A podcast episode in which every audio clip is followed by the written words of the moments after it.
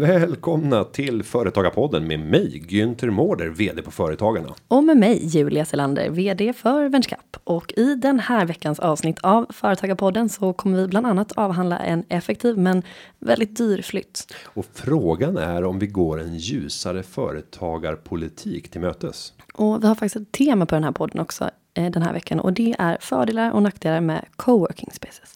Och vi berättar hur du säkrar lånelöften och villkor från banken inför en viktig affär. Och hur är det nu? Är företagsförsäkringar avdragsgilla eller ej?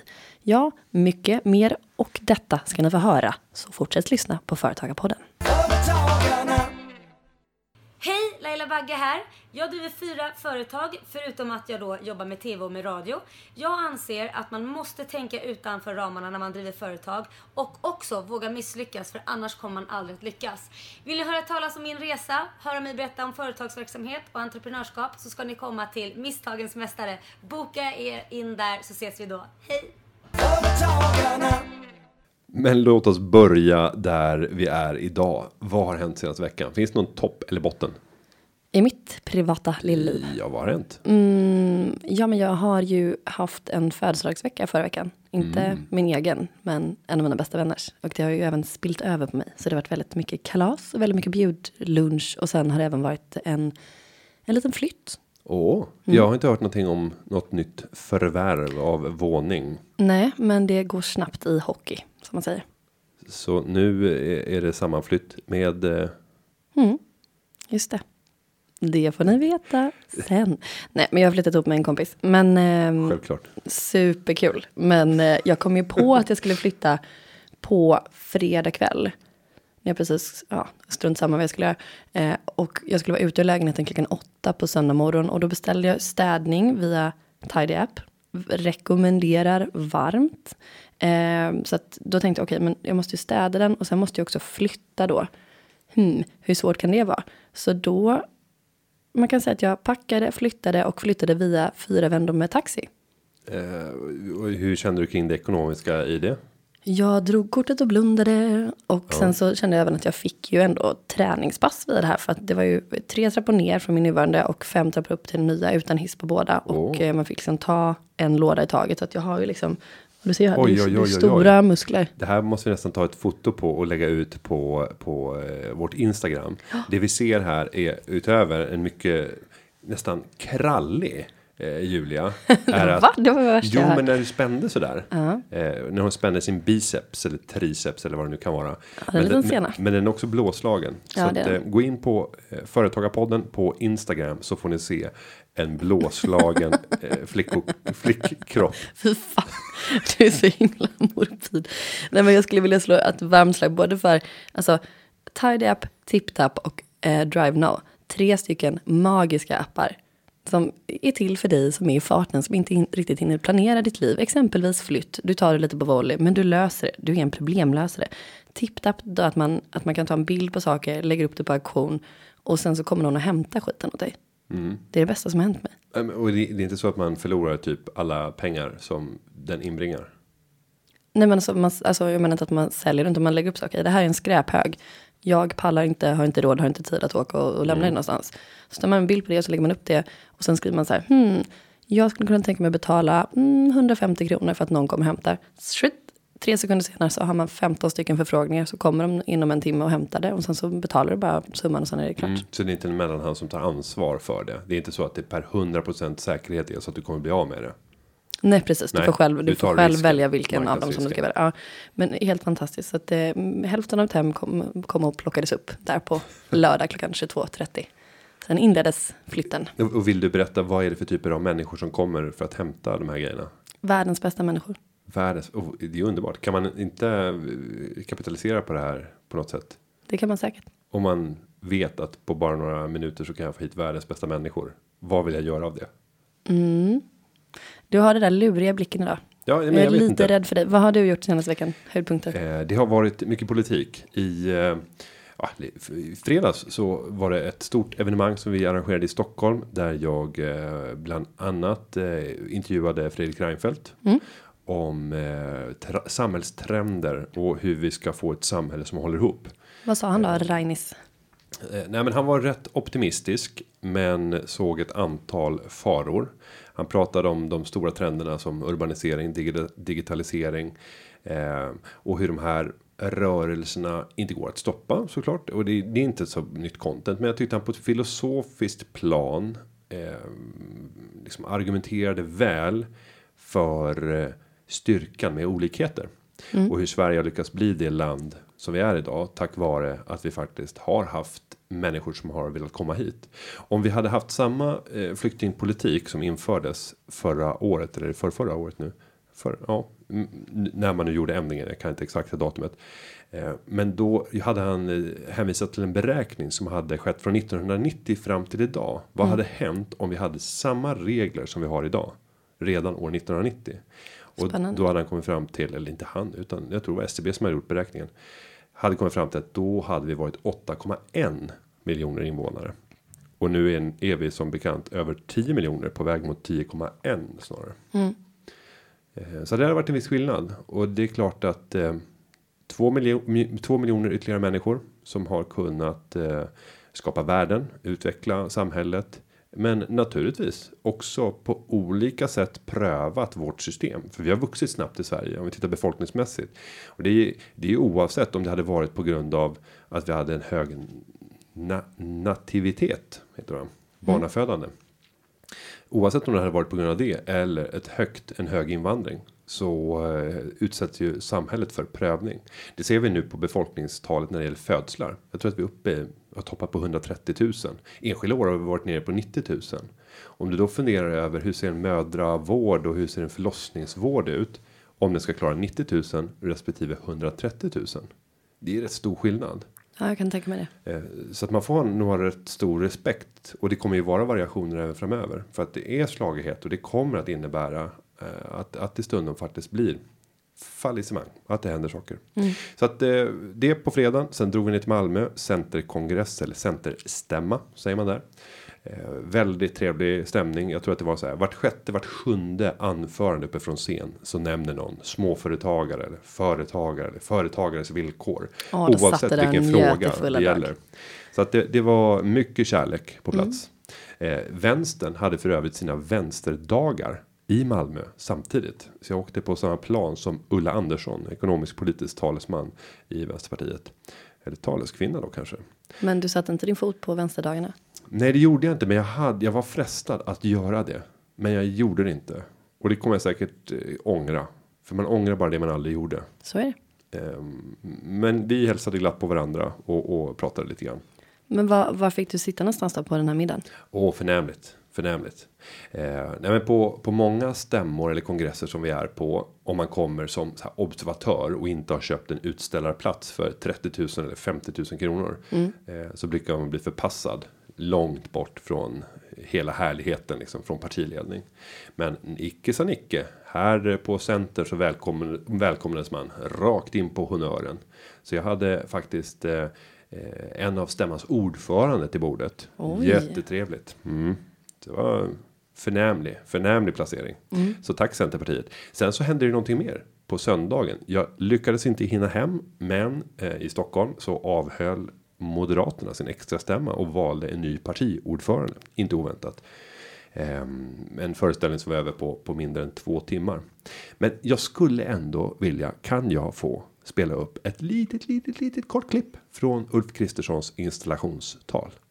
Om du ber snällt. Jag ber dig, snälla Julia. Kan vi inte bara lyssna på Ulf en liten, liten, liten stund? På Lilla Ulf? Lilla Ulf. Ja, Okej då. Varsågoda. För det sjätte, försvara företag och företagare. För bara 15 år sedan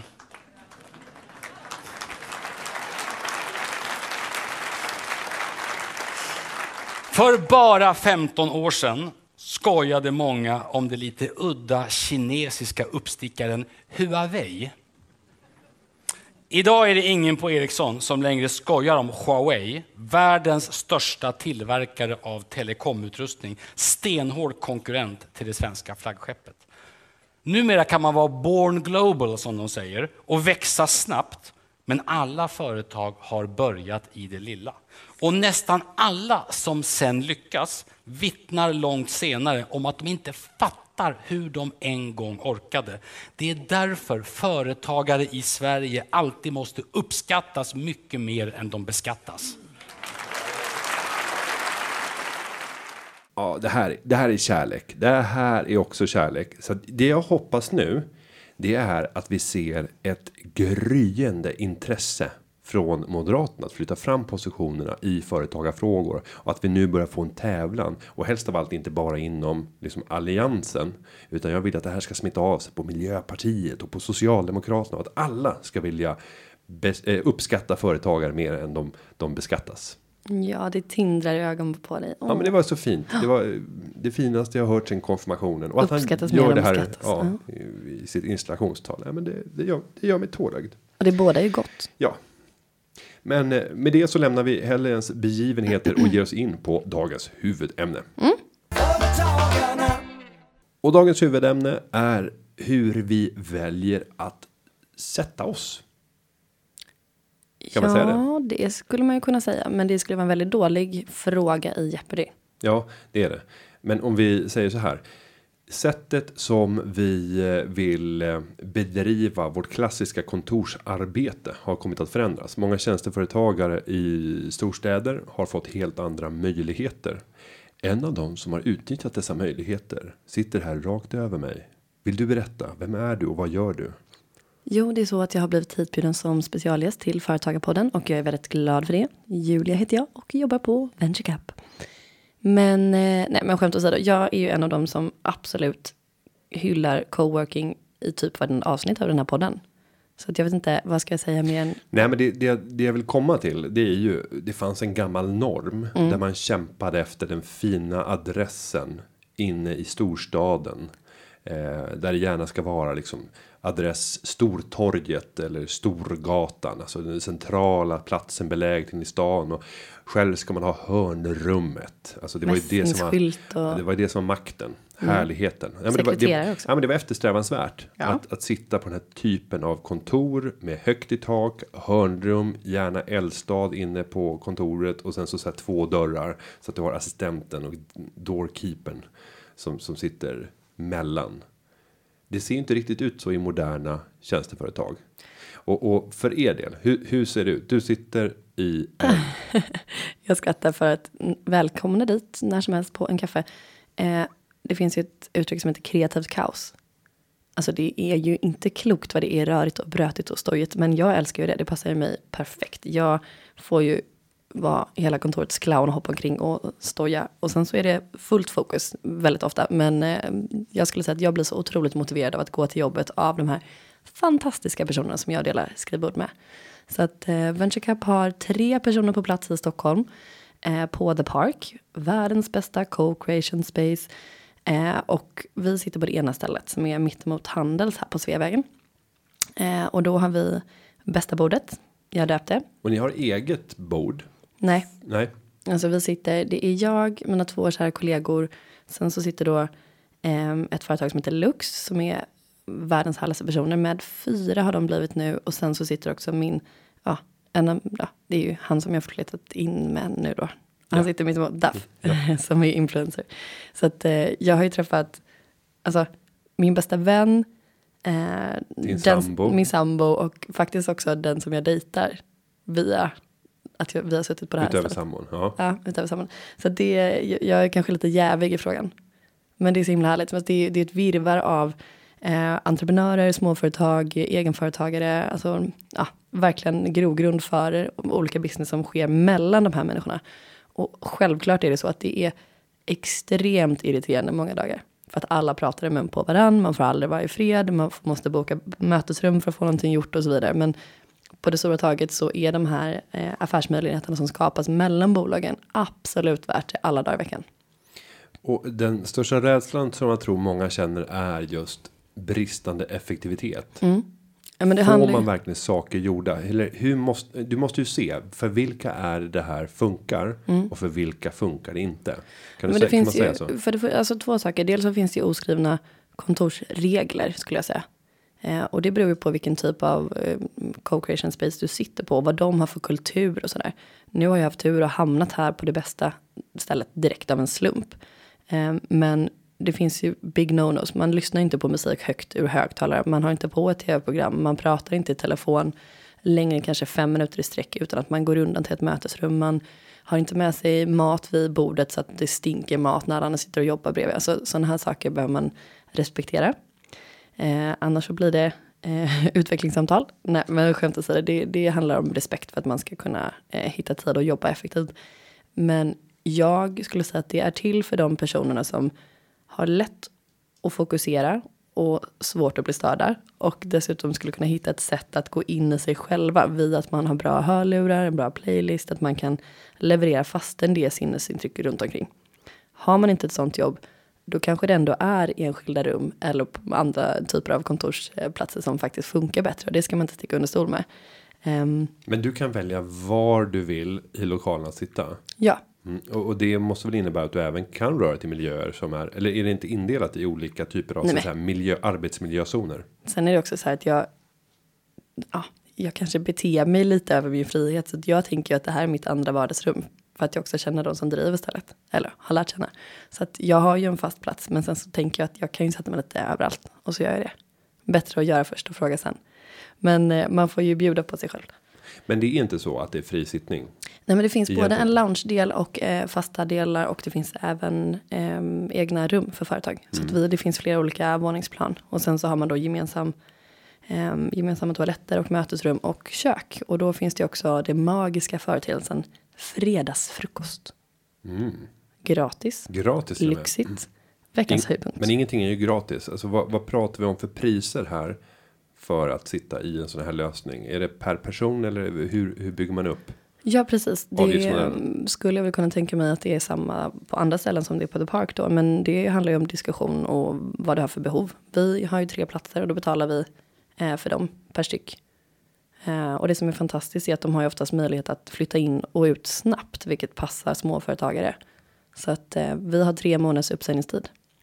Och ungefärliga priser sen förstår jag att det är hur man dividerar och, och hur man vad man väljer för extra tjänster och så vidare. Men kan man klara sig på 3 och 5 per person och månad? är det möjligt? Ja, det skulle man kunna göra. Då tror jag kanske att man tittar mer på lounge-medlemskap, det vill säga att man är välkommen att utnyttja alla, alla lyxnecessiteter eh, man behöver, men man får eh, nöja sig med att sitta i loungen, det vill säga att man har ingen fast plats. Eh, lägger man på lite till så kan man få en fast plats. Lägger man på upp till, oh, kan inte priserna, Rickard döda mig inte, eh, så kommer man upp till eget rum, eller rum för några personer. Så att eh, det är alltid en diskussionsfråga.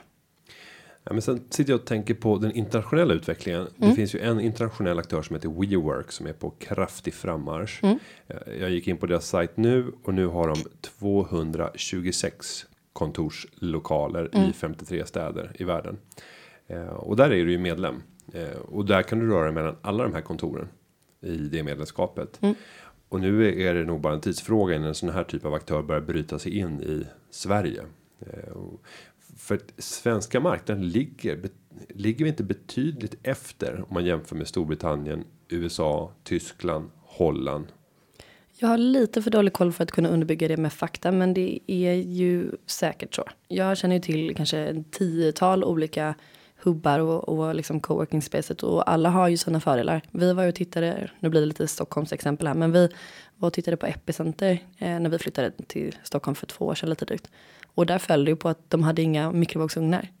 För de sa att nej men vadå, man går väl ut och handlar på lunchen. Och då tänkte jag att nej men vi både är en ideell organisation och jobbar med entreprenörer. Och det här med att unna sig lyxen att gå ut och handla lunch en timme varje dag. Det finns inte hos oss, vi kan inte sitta här. Så att vi försökte wheela till oss att vi skulle få ta med en egen mikro. Men då, då tyckte hon att jag var, ja jag vet inte, från en annan planet. Så att, eh, men, så att alla har ju sin egen nisch. Det finns ju också eh, typiska platser som är lite så här, okej men där sitter alla influencers, där sitter de som jobbar med det där. Och det finns ju tjusning också i att faktiskt sätta sig någonstans med bolag som inte kanske har så mycket med din bransch att göra. För att det blir mycket spännande möten och det är klart att det blir en del afterworks där man hjälper varandra och så här, med olika saker och, och gör affärer helt enkelt. Ja, jag tror att det här kommer fortsätta att breda ut sig och bli allt mer. Om jag får så här drömma för egen del. Och det får man göra. Så tänker jag företagarna i framtiden. Hur borde vi sitta? Men min dröm skulle ju vara att företagarna hade en central lokal väldigt nära centralstationen. För det är många av våra medlemmar som reser in till Stockholm och gör affärer. Bottenvåningen skulle vara en öppen yta för alla medlemmar där man har access. Där finns det en stor föreläsningslokal och en liten. Båda har sändningsmöjligheter så att du omedelbart bara kan plugga in. Vilken kanal vill du sända via? Vill du gå ut via Twitter eller köra Youtube eller vill du köra Facebook live och så vidare. Eh, och få snygga produktioner när du väl är i, i föreläsningssalen. Och sen vill jag bjuda in branschförbund och andra intresseorganisationer som vill näringslivet väl. Och då skulle vi sitta i våningen ovanför. Och där är det låst för de som så att säga har medlemskapet att sitta i. Vi skulle kunna kalla det nya näringslivets hus. Inte gamla näringslivets hus på Storgatan utan tänka att där ska alla kunna få plats som inte är arbetsgivarorganisationer men vill näringslivet väl. Eh, och det skulle kunna bli ett nytt sätt för eh, företag att kunna mötas för alla medlemmar som ändå reser in och gör affärer i Stockholm att kunna säga så här. Ja, men välkommen till. Vi kan ta möte på mitt kontor. Eh, välkommen till företagarna här centralt beläget så kan vi ha ett mötesrum och så kan man ha ett premiummedlemskap som gör att man får så här 10 mötesbokningar i lokalen per år. Sen vet man att nyttjandet blir ganska lågt per person, men bara vetskapen om att man har det. Ungefär som så här exklusiva kort som man kan ha som säger ja, men den här ger eh, företräde eller förtur i entrén till de här nattklubbarna eller du får alltid möjlighet att boka bord på de här restaurangerna oavsett om det är fullbokat. Det är väldigt få som nyttjar de där konsegörtjänsterna som finns på exklusiva kort. Men bara känslorna, känslan av att det finns Ja, det är ju magiskt. Men jag skulle gärna vilja höra ditt uttal där igen. konsegörtjänster. Konsergör ja. Konsegör. Okej. Ja. Sä, säg du. Nej, det vågar jag inte längre. Jag tycker att det heter concierge. Consigliers. Concierge. Ja, det spelar ingen roll. Men jag tar varje tillfälle att nypa till i. Günther, Ja, det vet du. Jag tänker ehm, fråga herr Günther. Jag vet ju hur du sitter. Mm. Men vill du berätta för lyssnarna? Hur? Ja, vi har ju gjort om. Eh, När jag kom till företagarna så eh, satt vi på liksom, i klassiskt kontor. Vi sitter fortfarande kvar i samma lokaler, eh, men alla hade eget skrivbord och vi satt uppdelat efter avdelning så att en avdelning för sig. Eh, men då drevs jag av tanken att eftersom många av medarbetarna på företagarna, de ska ju vara ute någonstans. Antingen att driva politik, träffa politiker eller vara ute och träffa samarbetspartners, vara ute och köra medlemsmöten. Så majoriteten av våra medlemmar ska ju vara ute på fältet för att skapa värden. Och det syntes ju också. För att majoriteten av skrivborden är ju tomma en vanlig dag. För att man är ute och skapar värden. Det är bra. Tänk konsultorganisation. Där är ju samma sak. Så att då möblerade vi om och sa att vi flyttar ihop till en yta. Man har inget fast skrivbord. Vi använder samma dockningslösning för alla så alla har likadan modell av dator så man kan docka in sig överallt. Och det gäller även våra regionchefer så när de reser in utifrån landet så kan de när som helst ta vilken plats som helst. Jag har inte heller någon egen plats utan cirkulerar beroende på vad jag ska arbeta med. Och då är det allt ifrån en ljudlig miljö där det får spelas musik. Det får finnas spontanmöten vid skrivbordet. Du får prata hur mycket som helst i telefon. Det är helt okej i den delen. Sen finns det en semi-lugn nivå. Där man får liksom ha mobilen påslagen. Men du måste gå bort när, det- när det ringer. Och allmänt hålla nere volymen. Och sen finns det en del som vi inledningsvis hade som knäpptyst miljö. Du får inte ha mobilen, den får inte vara på vibration, det får inte finnas några störande saker. Eh, speciellt anpassat när du verkligen måste gå in och fokusera. Sen har vi märkt att efterfrågan på den där helt isolerade som en isoleringscell. Eh, den var ju ganska låg.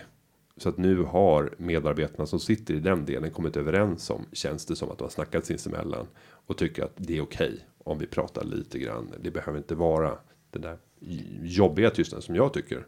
Eh, men som kan vara skön under isolerade arbetspass. Men det där var inte så tokigt tycker jag. Jättebra upplägg. Ja, och vi, vi ser ju att det, det är ett mycket bättre kapacitetsutnyttjande. och för det företaget som behöver ett kontor för att bedriva sin verksamhet och där det centrala läget eh, prioriteras så blir det svårt med de hyror som vi har och de, den uppgång som vi har sett senaste åren är brutal. Och då att hitta lösningar som gör att man blir mer flexibel. Det här gör ju det sättet vi sitter på idag gör det mycket lättare för oss att snabbt kunna byta lokaler. Ja, För att det blir mer flexibelt. Och det gör att vi får bättre förhandlingsutrymme också. När man tittar på potentiellt, potentiella alternativ framåt. Och dessutom så sparar vi ju kvadratmeter. Det var inte det främsta skälet till det här. Men de facto gör vi ju det.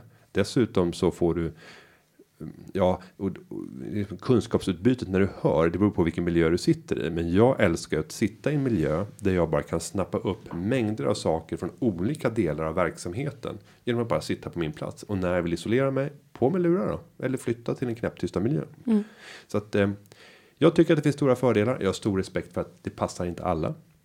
Eh, vissa, vi är vanemänniskor. Det, det, det ska man nog inte komma ifrån. Eh, tänk på hur det var under studietiden. Vad var det man gjorde? Jo, första lektionen när man kom till en ny skola eller universitet, högskola.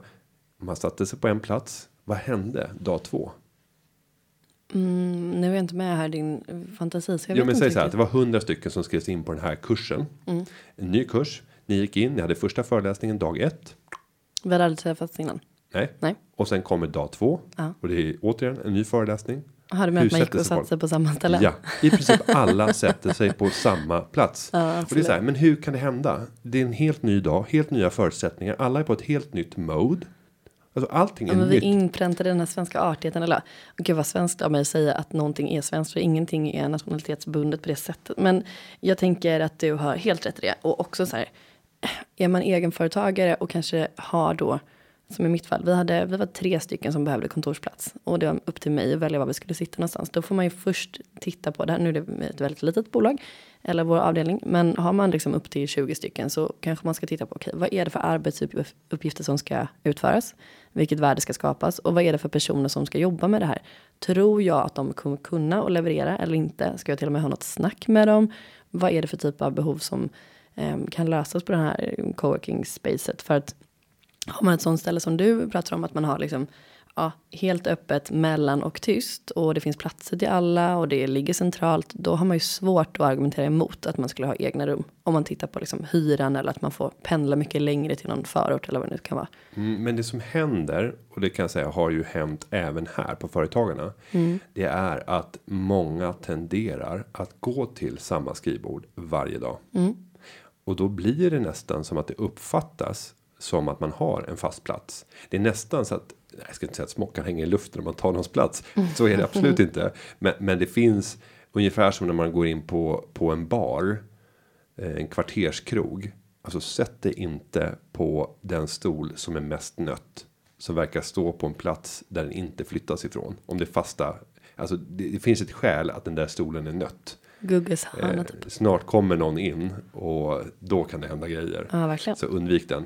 Nej, men lite lite den tendensen ser jag att man väljer att söka sig mot specifika platser och där vill jag. Jag vill ju ha dynamik, men då handlar det snarare om ledarskapet att liksom stimulera att själv visa som ett gott exempel att det är okej. Alltså, vi vill ha en cirkulation. Ja, men såklart. Och jag tänker också att det här är ett sätt att, att bryta eh, någon slags normativt eh, tabu kring att ja, men det är inte okej att prata med chefen och man måste mejla det tar så lång tid innan man får återkoppling. Sitter man i eh, ett öppet kon- kontorslandskap så är det kanske förhoppningsvis lättare att gå fram och, och, och få liksom, någon minut här och där. Eh, men det vill ju till att eh, personen i fråga också är, är öppen för det. Men titta runt om ni är intresserade av det här och testa. Alltså det värsta som kan hända är att det inte passar, då får man flytta igen då. Eh, och titta på vad det är för fördelar varje ställe har. Alltså The Park har ju då exempelvis eh, väldigt roliga, alltså jag vet att jag pratar mycket om fest, men jag gör business där så att det, jag tycker att det är okej. Eh, men världens roligaste sommarfest och världens roligaste julfest och så mycket annat som händer däremellan. Men man ska inte underskatta det. För att har du en kollega eller ingen kollega alls så är det här otroligt värdefullt. Alltså du får en känsla av tillhörighet, du får en mening att gå till jobbet varje dag, du får massa intriger som händer och det är, ja, man blir liksom starkare med gemensamma fiender även på kontorshotell och det är väldigt, väldigt motiverande för vissa. Um, vi har också fredagsfrukost och vi har då ett eh, betalsystem med streck. Eh, så att eh, det finns alltid liksom, amen, eh, kondisbitar och det finns såklart kaffe och te och drickor och ja, lite mellanmål och sådär. Så att vill du gå och ta det så kan du bara gå och sträcka och sen så drar man det på faktura via företaget sen. Ehm, så att det är fantastiskt om man inte har hunnit förbereda ett möte och inte har hunnit fixa fika. Men då drar du några streck och så tar du någon fika med dig. Så att deras ambition är att liksom underlätta för dig som är väldigt liten och småföretagare och entreprenör. Och det tycker jag är fint. Om jag då går in på de kulturella dimensionerna för varje sån här miljö fylls ju av en kultur i takt med att man rekryterar människorna till det. Verkligen. Eh, Hur ser det ut med mångfalden? Jag kan tänka mig, ska jag gissa så här, nu har jag varit på besök på en, eh, men det är på Gävlegatan. vad? Eller på The Park På- menar du? ja. Hälsingegatan. Hälsingegatan är det, som ligger bredvid Gävlegatan kan jag säga. ja, det bara, hade för, det. bara för att rädda mig.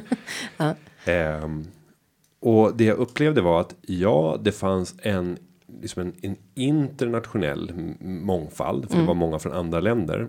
Men när det gällde åldersspann så var det väldigt koncentrerat kring en ålder kring så här 23 till ja, upp mot 40. Ehm, men det var väldigt få så här 50 plussare som jag såg i lokalerna. Mm, men de sitter hos oss på Sveavägen.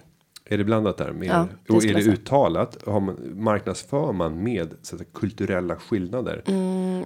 Inte aktivt så, men det, det, är en, det är två olika typer av kultur. Jag skulle säga att startupsen mer sitter på liksom det ena stället som du var. Och de som är mer alltså, egen och småföretagare sitter på, ehm, på Sveavägen. Eller det har blivit så. Det har varit Mm. två olika. Nu kan jag inte historiken, men det, på hos oss finns det flera våningsplan och på vårt våningsplan så är absolut snittåldern över ja, nu drar ju vi ner den lite kanske, men jag skulle säga att den är i alla fall över 40-45. Så att det finns, eh, det finns alla typer. Det måste ju bli väldigt olika kulturer på de två platserna då. Ja, verkligen. Och- Men, men det är ju fint att man kan ju, man kan ju sitta en dag på det, nya, på det nya stället eller på det andra stället och så ses man ju på de här stora afterworksen och man ses på, man kan även bot, boka böt, förlåt, man kan boka mötesrum på båda ställen. Mm. Så att ibland så unnar jag mig att sitta på det andra stället för att det blir som en liten staycation i min egen stad. Det är fint. Man bara, åh, kommer Julia? Nej, jag bara skojar, det är inget Nej, också. jag, jag tänker från min gamla värld, då har det här ju, ju förekommit i eh, ganska långt, under ganska lång tid. Då tänker jag på finansbranschen, för där har du haft börsrum. Eh, och, Mm. Vad är ett börsrum? Jo, eh, att vara trader är ju om man Jaha, gör för egen ja, ja. räkning. Ja, är ett fattar. ganska ensamt jobb. Eh, man kan sitta ensam i kalsongerna och sitta och trada. Eller, det eller, eller i trosorna. Eh, det är, man behöver inte bara ha kalsong. Eh, men många vill ändå ha en social dimension. Mm. Och då var Nordnet en av de aktörerna som faktiskt fortsatt. Många la ner börsrum efter liksom IT-yran. Men under IT-yran fanns det väldigt många börsrum runt, om i, i Stockholm och även på andra delar i Sverige. Men Nordnet fortsatte på en, liksom en exklusiv adress, Biblioteksgatan. Ovanpå KOS eller KOS, vad heter H&M? KOS? Koss. Koss. Ja, så. Eh, ovanpå kostbutiken i eh, H, ja, på Biblioteksgatan. Där är ett helt våningsplan eh, med börshandlare som handlar för egen räkning. Och då är det uppdelat i olika rum beroende på ja, men vilka kulturella och det har väl blivit så att man, försö- man försöker placera ut människor utifrån vilken typ av av, av miljö man behöver. Du har liksom ungdomarna med väldigt mycket känslor, impulsiva, sitter i en del av lokalerna. Och de så här ärrade, lite äldre tradersna som har varit med om det mesta. Där det inte blir kalabalik eh, bara för att det blir en stor börsrörelse. De sitter på en annan plats och, och så lite vice versa. Skulle inte de här må bra av att blandas upp lite? Nej men du behöver olika tradingförutsättningar. Det är ju ett väldigt individuellt jobb. Okej. Eh, visst, du kan ha nytta av att skvallra sinsemellan och liksom bolla idéer. Men i grunden så handlar det om att du måste vara fokuserad. Du måste göra ditt jobb. Du har din modell som du tradar utifrån. Och är man en väldigt så här, kalkylerande person som bara tradar utifrån en given modell. Och sen helt plötsligt så har man ett gäng med alfahannar som eh, bara står och gapar och slänger skärmar. Så är det ju inte. Men det kan bli väldigt upphetsat i lägen då det blir stora börsrörelser. Jag var på plats vid ett sånt tillfälle eh, i börsrummet. När Fingerprint, eh, det kom ett falskt pressmeddelande. Och nu kommer jag inte ihåg, jag tror att det var ett pressmeddelande om att Samsung skulle ingå i strategiskt samarbete med, med Fingerprint och kursen Vänta nu. Har jag fel? Eller var det Precise? Ja, jag tror att det var Fingerprint. Oaktat, det kom ut ett falskt pressmeddelande som drev kursen. Och den drev även kurser på andra bolag. Som låg inom bio, biometribranschen. Och även ett norskt bolag som var inom biometribranschen. Så alla de här börsaktierna rusade. Och inne på börsrummet, det var ju liksom ljudnivån var ju extrem. De här hannarna, för det var bara hanar i i, i eh, börsrummet. Många av dem började ju tjäna väldigt stora pengar och nyttjade den här marknadsrörelsen och sen kommer det ut att det är fake. De låser och backar alla affärer. Och den känsla som sprids och de är det, är obeskrivligt. Det var en upplevelse och själv satt jag där i, i en vrå och kommenterade för TT och så här TV4 och så bara vad är det som händer? Så bara, ja, nu ska vi höra direkt rapport här från golvet. Själv satt jag hemma i trosorna.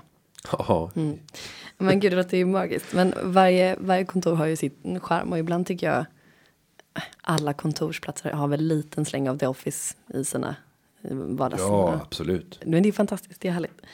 Men ja, nej men jag vet inte, jag tycker så här, smaken är som baken. Jag eh, just nu med mitt nuvarande jobb älskar att sitta tillsammans med eh, andra och jag rekommenderar det varmt. Men för dig som vill utmana dig, gå ut och googla. Eh, googla coworking och sen så den stad som du letar efter i.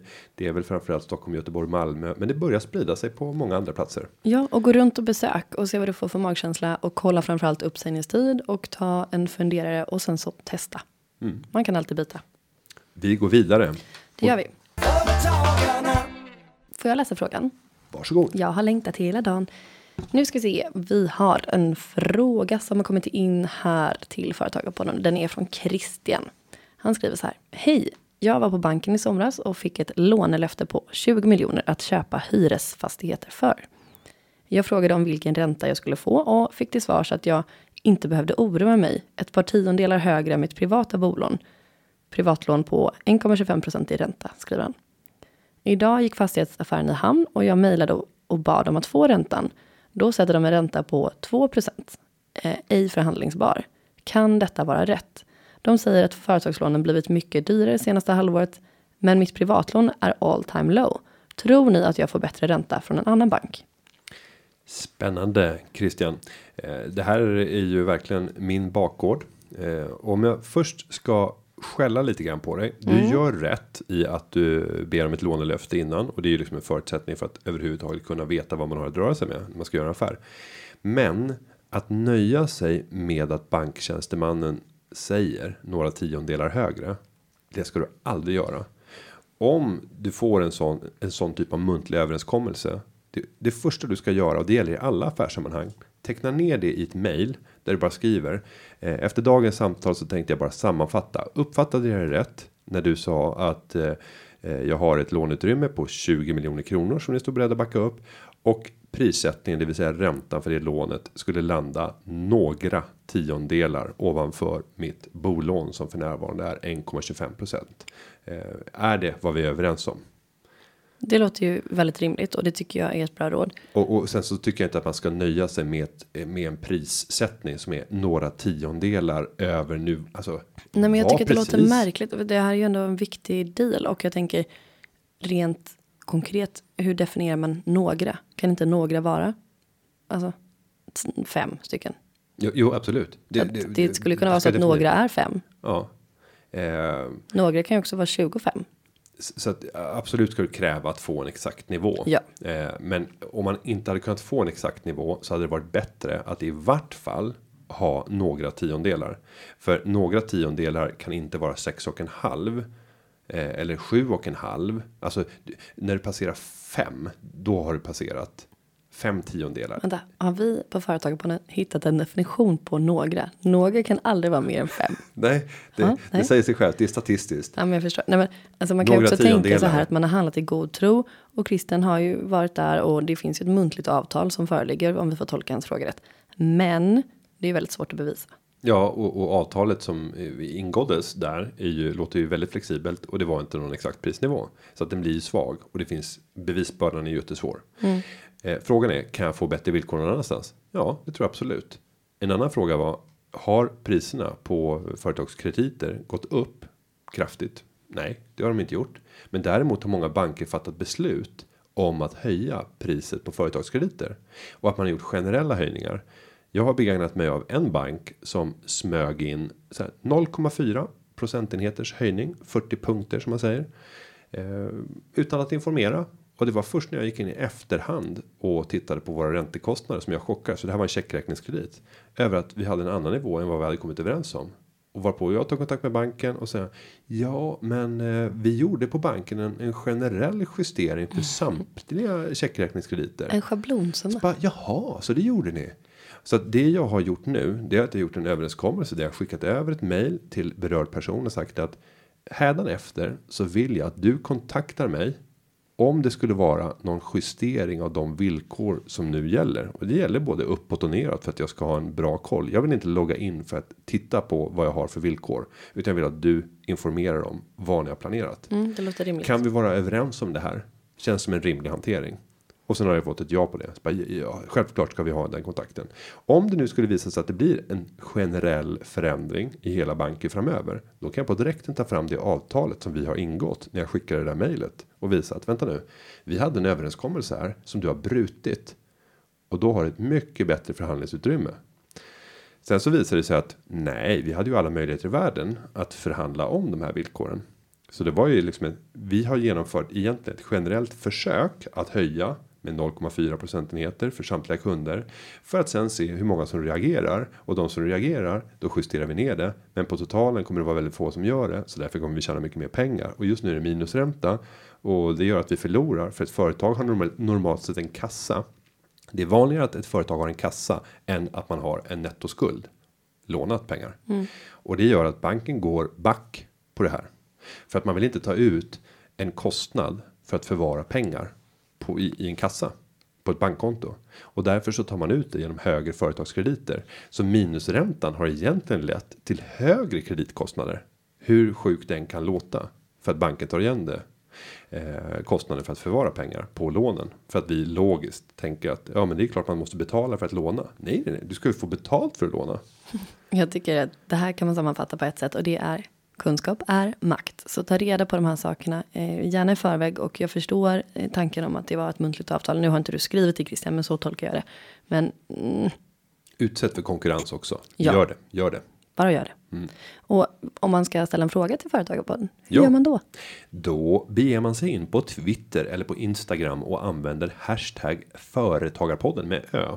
Och så ställer man sin fråga i ett inlägg. Gör man det på Instagram så kan man med fördel använda just bildspråket som ett förstärkande intryck. Har man en lite längre fråga än vad som ryms i en tweet, då kan man gå in på för- företagarpodden.se utan prickar.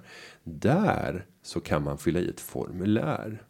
Men vi vill återigen rekommendera dig att ju mer kortfattad och koncis du är, desto högre sannolikheten att vi tar med din fråga. Sen kan man alltid ha en liten bilaga där man skriver lite längst ner. Här är lite övriga förutsättningar som är bra för er att känna till inför en diskussion, men det behövs inte läsas upp. Nej, nej, jag tycker tvärtom. Jag tycker att om Ja, man kanske har en ja. rolig anekdot eller dejtförfrågan. Ja, absolut. Nej, men jag skojar. Men alltså om man har med något, något sköj som, som kräver lite längre så tycker jag absolut, då vill jag varmt rekommendera eh, formuläret företagarpodden.se. ja, men, Utan prickar. Ja, men inte långa, men inte jättelånga. Jättelång. Ja, jättelånga. Ja. Åh, vad jag inte ser fram emot framtida poddar nu när jag ska ha älskar ensides uppläsning. Ja, vi har fått en ytterligare fråga. Mm. Ska jag ta den? Ja, men gör det. Kör på. Det är Tilda från Simrishamn. Och den här är kort och koncis. Hej! Är premien för min företagsförsäkring avdragsgill? Tacksam för svar, Tilda. Tack Tilda. Ja, ja, Julia har redan svarat på den. Ja, det är den. Ja.